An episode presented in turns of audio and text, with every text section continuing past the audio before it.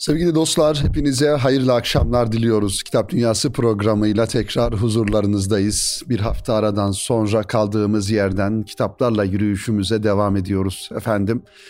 Bugünlerde biraz gönlümüz buruk, kalbimiz kırık, kalplerimiz kırık daha doğrusu. İslam dünyası olarak her tarafımızda acılar, ızdıraplar, dertler ve bir manada kırılmışlıklar söz konusu. Gazze'de yaşanan hadiseler sevgili dinleyenlerimiz gerçekten yüreklerimizi kanatmaya devam ediyor ve bu anlamda insanların insanlığın vicdanını zorlayacak derecede zulümlerin, katliamların ve ölümlerin yaşanmış olması bizleri gerçekten derinden üzüyor.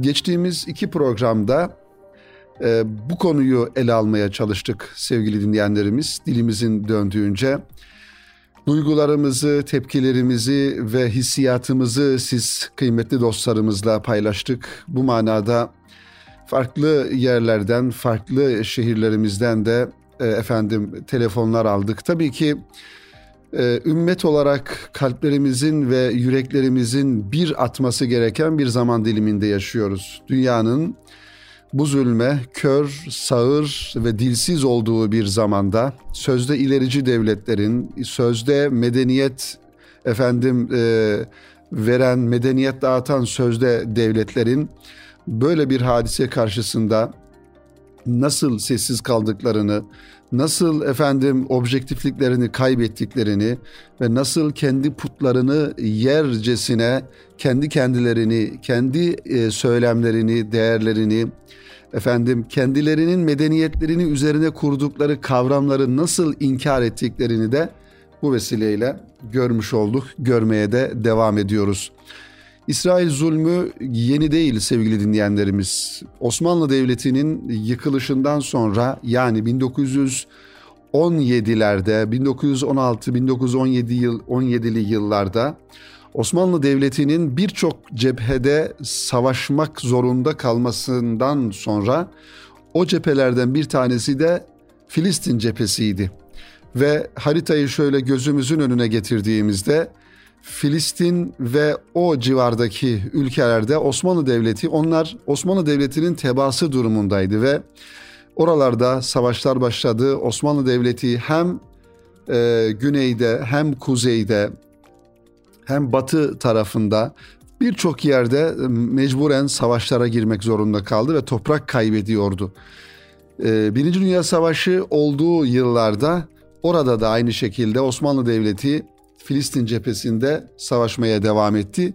İngilizlerle orada savaştı ve nihayetinde orasını İngilizler maalesef almış oldu. 1917'den 1948 yılına kadar orada farklı efendim savaşlar, farklı çatışmalar meydana geldi ama her defasında İngilizler orayı kendi ellerinde e, tutmayı başardılar. Ama kendi ellerinde tuttukları yıllarda bir taraftan da dünyanın farklı noktalarında yaşayan ve o tarihe kadar vatansız bir şekilde farklı coğrafyalarda parça parça yaşayan Yahudileri yavaş yavaş bu bölgeye göç ettirmeye başladılar.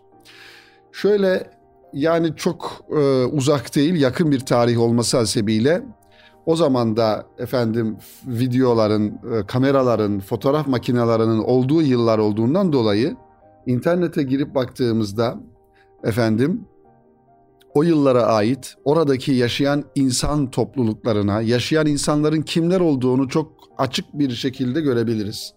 Orada e, efendim e, yıllarca Araplar yaşamış, Filistinli insanlar kendi topraklarında yaşamışlar ve e, çoğunluk olarak çoğunluk olarak o yıllarda e, yine Filistinliler ve Araplar orada yaşıyor. Bir tarafta Ürdün var, bir tarafta sınır olarak Mısır var, bir tarafta efendim e, Lübnan var ve buralarla aslında iç içe yaşayan, iç içe olan bir toprak burası. Ama tabii ki tarihi olarak hem Kudüs'ün orada olması ve onların inanışına göre Yahudilerin inanışın, inanışına göre kendilerine vaat edilmiş topraklar olarak görmelerinden dolayı ve 1948 yılına kadar bir Yahudi devleti dünya tarihinde kurulmadığından dolayı Yahudiler e, takdiri ilahi Kur'an-ı Kerim'de de lanetlenmiş bir e, efendim zihniyet bir millet olarak geçtiğinden dolayı dünyanın farklı yerlerine dağılmışlar. Bugün baktığımızda hala Amerika'da, Avrupa'nın farklı ülkelerinde, Rusya'da, Azerbaycan'da hakikaten Yahudiler var yani oralarda, kasabalarda, köylerde Yahudiler yaşıyorlar. Ve tarihleri de orada geçmiş. İşte İngilizler burayı kendi efendim e, idaresi altına, sömürgesi altına aldıktan sonra 1917 yılından sonra oraya büyük bir Yahudi akını başladı ve Yahudileri göç ettirmeye başladılar. Ve bir zaman sonra sevgili dinleyenlerimiz bu göçler neticesinde e, bir taraftan da Yahudilerin efendim ileri gelenleri yani sözde ileri gelenleri, onların efendim e, fikir insanları, onların e, onları yönlendiren lider pozisyondaki insanlar da oraya göç ederek orada bir oluşum meydana getirdiler. Ve her defasında da baktığımızda arkalarında İngilizlerin desteğini alarak bunları yapmışlar, yapmaya devam ediyorlar. Ve nihayetinde 1948 yılında ki 48 yılından önce de bir sürü olaylar oluyor. Yahudilerle e, Araplar arasında çatışmalar oluyor. İngiliz askerleriyle Araplar arasında çatışmalar oluyor. Ürdün'le efendim e, Lübnan'la çatışmalar oluyor. E, bu zaman zarfı içerisinde ve 1948 yılında Yahudi devleti ilan ediliyor ve Yahudi devleti ilan edilmesinden 11 dakika sonra da Amerika Birleşik Devletleri Yahudi devletini tanıyor. Ee, geçtiğimiz programda da söyledik. Ee, burada bir e, devlet kurulduktan sonra, İsrail devleti kurulduktan sonra oradaki yerli insanların evlerini yavaş yavaş e, efendim e, bahçelerini, tarım arazilerini, yaşadığı yerleri Yahudiler gasp etmeye başlıyorlar. Çalmaya başlıyorlar ve işgal etmeye başlıyorlar. E, ve bir noktadan sonra da orada yaşayan insanlar kendi topraklarında efendim mülteci durumuna, sığınmacı durumuna maalesef düşüyorlar. İşte e, bu konu yani bugün bugün bu e, Filistin topraklarında yaşanan bu hadiselerin geçmişini, arka planını, neden böyle olduğunu ve bu duruma nasıl geldiğini görmek açısından bunları okumak, bunları bilmek gerekiyor. Şöyle bir şey düşünelim. Yani 1917 yılından sonra orada çok az bir nüfus, çok azınlıkta bir nüfus, Yahudi nüfusu var. Ve orada Müslümanlar yaşıyorlar. Osmanlı komutanları var, Osmanlı yönetimi var. Bugün Kudüs'e gittiğinizde e, bile her tarafta Osmanlı e, efendim eserlerini görüyorsunuz. Osmanlı'nın yapmış olduğu camileri, efendim binaları görüyorsunuz. Bir medeniyet yaşamış orada. 400 yıl Osmanlı burayı idare etmiş. Nereden çıkmış bu Yahudi İsrail devleti? İşte bu Yahudi İsrail devleti oraya İngilizler tarafından getirtilerek Yahudilerin getirilmesiyle e, ve zorla ellerinden alınarak e, Müslümanların ya Arapların ellerinden alınarak orada zorla bir devlet ihdas edilmiş. İşte bugün baktığımızda e, doğal olarak Filistin halkı her noktada kendisini korumak ve savunmak zorunda kalmış. İşte Hamas dediğimiz e, oluşum, Filistin Kurtuluş Örgütü, El Fetih, İslami Cihat gibi gruplar da kendi e, topraklarını, kendi efendim vatanlarını ellerinde kaldığı kadarıyla tabii ki ne kadar kalmışsa ki bir şeyde kaldığı yok. Bunu koruma refleksiyle e, hareket etmek zorundalar, ediyorlar. İnsanlar tabii bu arka planları bilmeden, okumadan zannediyorlar ki yani Hamas orada bir e, efendim kargaşa meydana getiriyor. Haksız bir şekilde e, oradaki insanları e, saldırı yapıyor, saldırıyor. Öyle değil. Öyle değil sevgili dinleyenlerimiz. Hamas orada e, belki de son e, kale olarak duruyor. Kendisini, kendi halkını, kendi ülkesini, kendi topraklarını savunuyor. Savunmaya da devam edecek. 1967 yılında hani 1968 yılında e, konuşuluyor ya 1968 sınırlarına herkes çekilsin ve iki devletli bir çözüm olsun. Aslında iki devletli çözüm de kerhen kabul edilmesi gereken, edilen bir durum. Normalde e, İsrailliler, Yahudiler orada yoklardı. 1917 yılına kadar orada çok az bir Yahudi grubu vardı ve devlet olarak orada bir mil, İsrail milleti olarak insan kitlesi yoktu. Her birisi dünyanın farklı ülkelerinden gelerek orada bir e, toplum oluşturdular. Efendim e, zorbalık yaptılar ve orayı Filistinlilerden gasp ettiler. Kıymetli dinleyenlerimiz. Bunların farkında olmak gerekiyor. Bugün bu meseleleri okuyabilmek için de. Tabii neden bu kadar e, güçlü, neden en azından öyle görünüyor, ne, neden bu kadar etkili daha doğrusu dünya devletleri arasında İsrail? Çünkü İsrail'in e, efendim Yahudi milleti olarak Yahudiler dünyanın her tarafında varlar ve e, daha çok ekonomiyi, parayı elinde tutan insanlar, kuruluşlar. Bugün ülkemizde baktığımızda yani zaman zaman internetten de böyle yayınlar yapılıyor. Yahudi mallarını almayalım, Yahudi ürünlerini boykot edelim düşüncesiyle doğru, çok isabetli.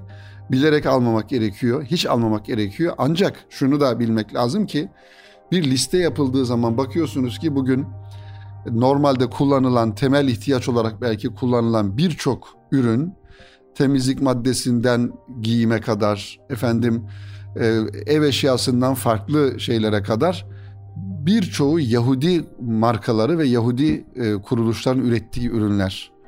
Dolayısıyla burada da bir güç oluşturduklarından dolayı e, yani bugün gidip efendim bir marketten bir içecek aldığınızda bir bakıyorsunuz bu bir Yahudi markası. Bir efendim şampuan, bir sabun aldığınızda bir Yahudi markası olduğunu görüyorsunuz. Mümkün mertebe bunlara dikkat etmek lazım ve almamak gerekiyor sevgili dinleyenlerimiz. Almamak gerekiyor. En azından kendi adımıza böyle bir sorumluluğu yerine getirmemiz gerekiyor.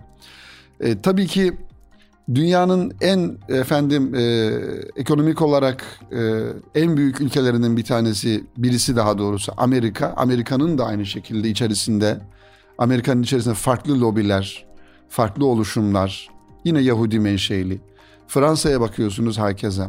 Bunu söylerken tabii ki gözümüzde büyütmeyelim. Bunu söylerken karşı tarafı e, sanki yıkılmaz, yenilmez bir güçmüş gibi görmeyelim. Öyle değil. Çünkü bizim inandığımız Rabbimiz var, bizim Allah'ımız var. Onların neyi varsa, ne kadar gücü varsa, ne kadar füzesi, ne kadar topu, tankı, parası varsa hiç mühim değil. Bizim imanımız var, bizim Rabbimiz var bu gözle e, değerlendirmek lazım ve biz imanımıza, Rabbimize e, güveniyoruz, güvenmek zorundayız, teslim oluyoruz ve bu şekilde bakıyoruz. Nice tarihe baktığımızda nice sayıca az olan ordular, nice çok olan orduları yerle bir etmiştir ki öyledir. Yani Kur'an-ı Kerim kıssalarına baktığımızda daha keza güçlü olan Firavunlar, Nemrutlar, Karunlar, Hamanlar, her birisine bakıyorsunuz her birisi yerle bir olmuş. Ebu Cehiller değil mi? Onların baktığınızda Peygamber Efendimiz sallallahu aleyhi ve sellemin mücadelesine baktığımızda Ebu Cehil Mekke'nin en kudretli adamı, en yenilmez adamı sözde ama Peygamber Efendimiz sallallahu aleyhi ve sellem yetim bir insan. Tek başına kalkıyor ve nübüvvet görevini Rabbimiz ona veriyor ve daha sonra bütün Müslümanlar etrafındaki Müslümanlarla bir yönüyle Ebu Cehil düzenini yerle bir ediyor. Zulüm hiçbir zaman e, efendim baki olmaz, abat o zulümle abat olunmaz. Zulüm sürdürülemez ve gördüğümüzde tarihe baktığımızda da zulmün, zalimlerin ve zulüm yapan insanların sonlarının da ne olduğunu tarih e, şahit bir şekilde önümüze koymuş oluyor. Bugün Gazze'de şehit edilen o masum yavrular, o çocuklar, o günahsız insanlar, günahsız yavrular, çocuklar, efendim kadınlar, masum insanlar baktığımızda ki Müslümanlar oradaki hepsi masumdur. Bunların ahı, bunların kanı, bunlara yapılan bu zulüm mutlaka ve mutlaka İsrail'i, Yahudi'yi, Amerika'sının hepsini boğacak ve yerle bir edecek. Buna kesinlikle iman ediyoruz, inanıyoruz ve bu böyle olacak. Cenab-ı Hak sevgili dinleyenlerimiz ihmal etmez ama imhal eder. Yani mühlet verir belki ama kesinlikle ihmal etmez. Er ya da geç bu dönüp dolaşıp bunların boynuna dolanacak ve bunların cehennem çukuruna gönderecek bu, bu zalimlerin yaptıkları, bu çocukların ahı, bu Filistinli, bu Gazze'li yavruların, efendim Sabilerin ve günahsız bu çocukların ahı bunları boğacak. Bunu göreceğiz Allah'ın izniyle. Bu duygularla sevgili dinleyenlerimiz Kitap Dünyası programının birinci bölümünü sona erdirmiş olalım. Ee, bir iki kitabımız var inşallah. O kitaplarımızı da ikinci bölümde sizlerle paylaşalım efendim. Şimdi kısa bir araya gidelim. Kıymetli dostlar tekrar huzurlarınızdayız. Ee, programımızın birinci bölümünde belki anonsunu yapmayı unuttuk. İkinci bölümünün başında sizlere hatırlatalım sevgili dinleyenlerimiz. Ee, efendim e, bugün itibarıyla yani 28 Ekim itibarıyla e, İstanbul'da güzel bir kitap fuarı başlamış oldu. 5 Kasım'a kadar devam edecek. TÜYAP Kitap Fuarı İstanbul Beylikdüzü'nde e, devam ediyor. 40.sı 40. yılı bu, se bu sene ve kitap dostları orada buluşacaklar. Kitap efendim severler, yazarlarla, yeni kitaplarla buluşmuş olacaklar. Kitap e, fuarlarının belki eskiye nazar, nazaran e, biraz e, muhtevası, gündemi değişmiş olabilir. Şöyle ki dijital yayıncılığın biraz daha gelişmiş olmasıyla ancak her zaman için onu da ifade ediyoruz, etmeye de devam edeceğiz. Kitap fuarlarının ortamı, kitaplarla buluşmak, yazarlarla bir araya gelmek e, elbette ki bir dijital ortamdan çok daha farklı ve çok daha faydalı. E, bu cümleden e, biz de inşallah bu tarihler arasında e, zaman zaman kitap fuarında olacağız. E, zamanı olan, fırsatı olan sevgili dinleyenlerimizi, kıymetli dostlarımızı bu tarihler arasında e, efendim bu kitap fuarına bekliyoruz. İndirimli kitaplar olacaktır şüphesiz ve yeni kitaplarda yayıncıların tezgahlarında okuyucularla buluşmuş olacak bu vesileyle. Öte yandan e, yazarlar söyleşiler yapacaklar, imza programları olacak. E, bir kültür şöleni şeklinde inşallah bu bir hafta orada e, devam edecek. Bu fırsatı da İstanbul'da olan özellikle kitap dostları için bu fırsatı da kaçırmamanızı önemli tavsiye ediyorum sevgili dinleyenlerimiz. Evet sevgili dostlar bir hikaye kitabıyla bir öykü kitabıyla daha doğrusu devam edelim sevgili dinleyenler. İz yayınlarından çıkan Sıddık Yurtsever'in bir kitabı. İkinci öykü kitabıymış bu. Yarım kalmış bir nehir isimli kitap İz yayınlarından çıkmış Sıddık Yurtsever'in okurlarıyla buluşmuş. Şöyle bir değerlendirme yazısı kaleme almış Fatma Aydar hanımefendi bu güzel kitapla ilgili. O yazıyı da ve o satırlarından bir bölümünü de sizlere takdim ederek bu öykü kitabının muhtevasına biraz daha dahil olalım birlikte. Hep eksiklik, hep yetmemişlik, hep yarım kalmışlık sızısı insana yön veren. İçimizde bu sızı hiç dinmediği için türlü yollar arıyoruz. Rivayet odur ki dünya yarım kalmışlığın, tamamlanamamışlığın mekanı. Yazarın eksik olma hissi bu dünyaya özgü bir his zaten. İnsanın ömrünü verdiği, tamamlamak için çırpındığı, bu eksikliği ölüm tamamlayacak belki de ifadeleri de adeta bu rivayeti doğrular nitelikte. Kitabın adı tüm duyularıyla dünyaya sımsıkı tutunan insanın kulağına hakikate dair cümleler fısıldıyor. Dünya tamamlanılacak bir yer değildir. Evet, aslında çok önemli bir cümle. Dünya tamamlanılacak bir yer değildir sevgili dinleyenlerimiz. Bakalım şöyle mezarlara baktığımızda mezarlarda yüzlerce, binlerce insan tamamlayamadığı hayallerinin efendim peşinden koşarken o ölüm hakikatini görmüş oluyor. Ölümle yüz yüze gelmiş oluyoruz ve biz de aynı şekilde belki tamamlayamadığımız tamamlayamadığımız bir kitabımız, tamamlayamadığımız efendim bir gezimiz, tamamlayamadığımız bir ev alma hayalimiz ya da bir araba alma hayalimiz ya da bir yere gitme e, hevesimizi tamamlayamadığımız bir halde elbette ki bizi de gelip bulacak o ölüm hakikati. İşte dünya tamamlanamayan bir yerdir denilmesi de bu anlamda. Belki de insanların bu kadar dünyanın içerisinde dünyanın peşinden koşması işte o eksikliğin, eksiklik hissinin iç dünyalarında yaşamalarından dolayı onu tamamlama gayretinden dolayı ileri gelmektedir. İşte e, Sıddık Yurtsever'de Yarım Kalmış Bir Nehir isimli e, bu hi, öykü kitabında, hikaye kitabında daha doğrusu bize bunu anlatıyor. Tüm yarımlar insan için hayat nehrinde akıp durmakta ve gerçek yurdunda tamamlanmak üzere akışını sürdürmektedir. Biricik ve tek olan insanın hikayesi de asıl yurdunda tamamlanıp nihayete erecektir. Sıddık Yurtsever'in hikayeleri insan ömrünü andırır kısalıkta. Kısa ama bir o kadar da derin hikayeler rüya ile hayat arasındaki ölümler ya da ölümle hayat arasında görülen rüyalar gibi. Yaşadığı yere, o yerin suyuna, toprağına benzeyen insan halleri. Öykü okuyucusu bilir ki iyi bazı öyküleri sadece okuyup geçemezsiniz. Necip Tosun'un ifadesiyle iyi öyküler hayatın kristalize olmuş bir ayrıntısını gün yüzüne çıkarıp hayatı temsil eden büyük bir fotoğraf haline gelir. Sıddık Yurtsever'in hikayelerindeki kimi cümlelerde bu fotoğraf o denli netleşir ki okur kendisini müzede bir eserin karşısında hayretle baka kalmış bulur. Sayfalar ilerlemiş ve yeni bir hikayeye çoktan postunu sermişken o gerideki kahramanın bir sözüne takılıp kaldığını fark eder. Durma, koş, çağır bütün yangınlarını.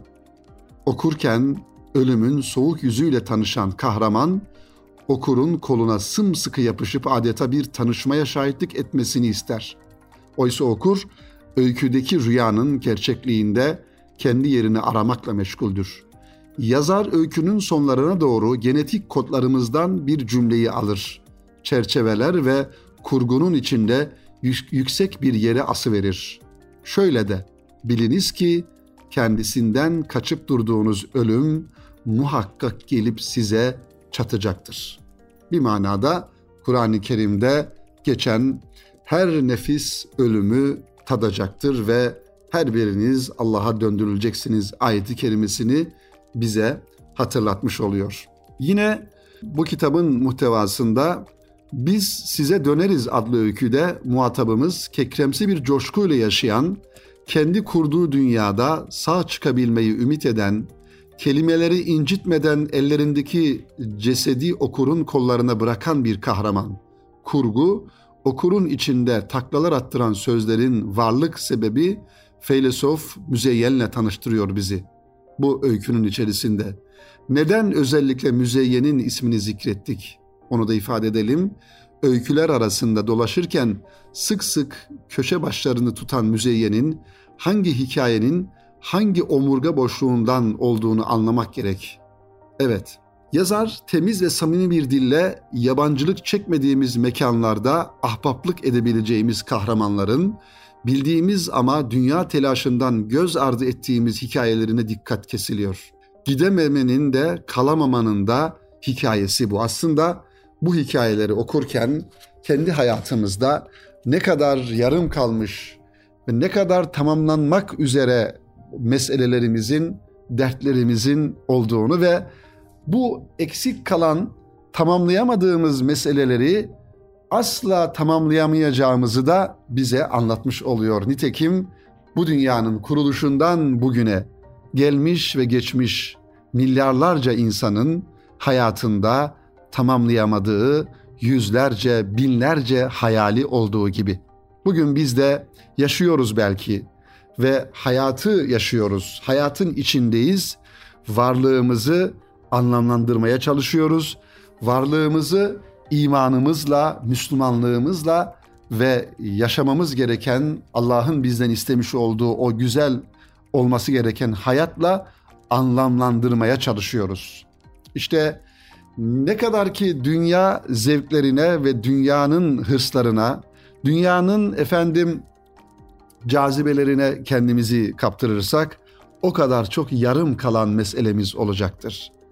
Evlendiremediğimiz çocuklarımız, değiştiremediğimiz arabamız, alamadığımız ve giyemediğimiz elbiselerimiz, gezemediğimiz yurt dışı gezilerimiz vesaire vesaire. Ama şunu bilmek lazım ki dünya insan için bir efendim e, kısacık bir dinlenme ve yine yolculuğuna devam etme mekanıdır. İnsanın hayatı büyük bir yürüyüşten ibarettir kıymetli dinleyenlerimiz. Büyük bir yürüyüşten ta Hazreti Adem'den itibaren, Adem Aleyhisselam'dan itibaren başlayan büyük bir yürüyüştür. Alemi ervahta yani ruhlar aleminde de başlayan bu yürüyüş dünya mekanına geldiğimizde devam ediyor ve kabir hayatından, kabir koridorundan geçerek ahiret meydanına, kıyamet meydanına, berza efendim e, o öbür aleme geçerken de bir yürüyüş içerisinde olmuş olacağız. O yüzden tamamlayamadığımız efendim hayallerimizin peşinden koşmaktansa bizim gitmemiz gereken ve idealimiz olması gereken hakiki anlamda ebedi hayatın peşinden koşarak oraya o yürüyüşümüzü gerçekleştirmek gayesinde olmak durumundayız. Ee, Rabbimiz bizlere ve bütün Müslümanlara bu şuurda bir yürüyüş, ahirete doğru bir yürüyüş nasip eylesin diyoruz sevgili dinleyenlerimiz, kıymetli dostlarımız. Abdurrezzak Tek Hoca'nın güzel bir kitabı çıktı. Bu da inşallah önümüzdeki haftaya bunu saklayalım. Ebu Abdurrahman Es-Sülemi'nin Tabakatu Sufiye, İlk Zahit ve Sufiler isimli kitabını Abdurrezzak Tek hocamız tercüme etti ve Erkam yayınlarından da bu kitap çıkmış oldu. Güzel bir çalışma oldu. İnşallah bunu da sizlere önümüzdeki programımızda aktarmaya çalışacağım sevgili dinleyenlerimiz. Efendim programımızın sonuna gelmişken tekrardan yüreğimizi kanatan Filistin'de, Gazze'de yaşanan hadiseleri tekrar hatırlatma noktasında, bir farkındalık oluşturma noktasında elimizden ne geliyorsa bir mümin olarak elimizden ne geliyorsa sözlü, yazılı, fiili ne geliyorsa bunu yapabilme ve oradaki kardeşlerimizin e, muzafferiyeti için Rabbimize her dakika, her namazımızda dua etme bir gayreti içerisinde olalım diyorum ve tekrar e, Müslümanların muzafferiyetini Rabbimizden dileyelim, dua edelim, niyaz edelim ve Müslüman ülkelerin, Müslüman toplumların, Müslüman coğrafyanın uyanışını Rab, Rabbimizden niyaz edelim. Üzerimizdeki bu ölü toprağının kalkmasını ve yeniden bir diriliş duygusu içerisine girmemizi Cenab-ı Hak'tan isteyelim, dua edelim. Gecelerde, seherlerde, namazlarımızda her daim bu duygularla inşallah Müslümanlara yardım edelim, dualar edelim kıymetli dinleyenlerimiz. Önümüzdeki hafta tekrar buluşmak ümidiyle hepinizi Rabbime emanet ediyorum. Hoşçakalınız efendim.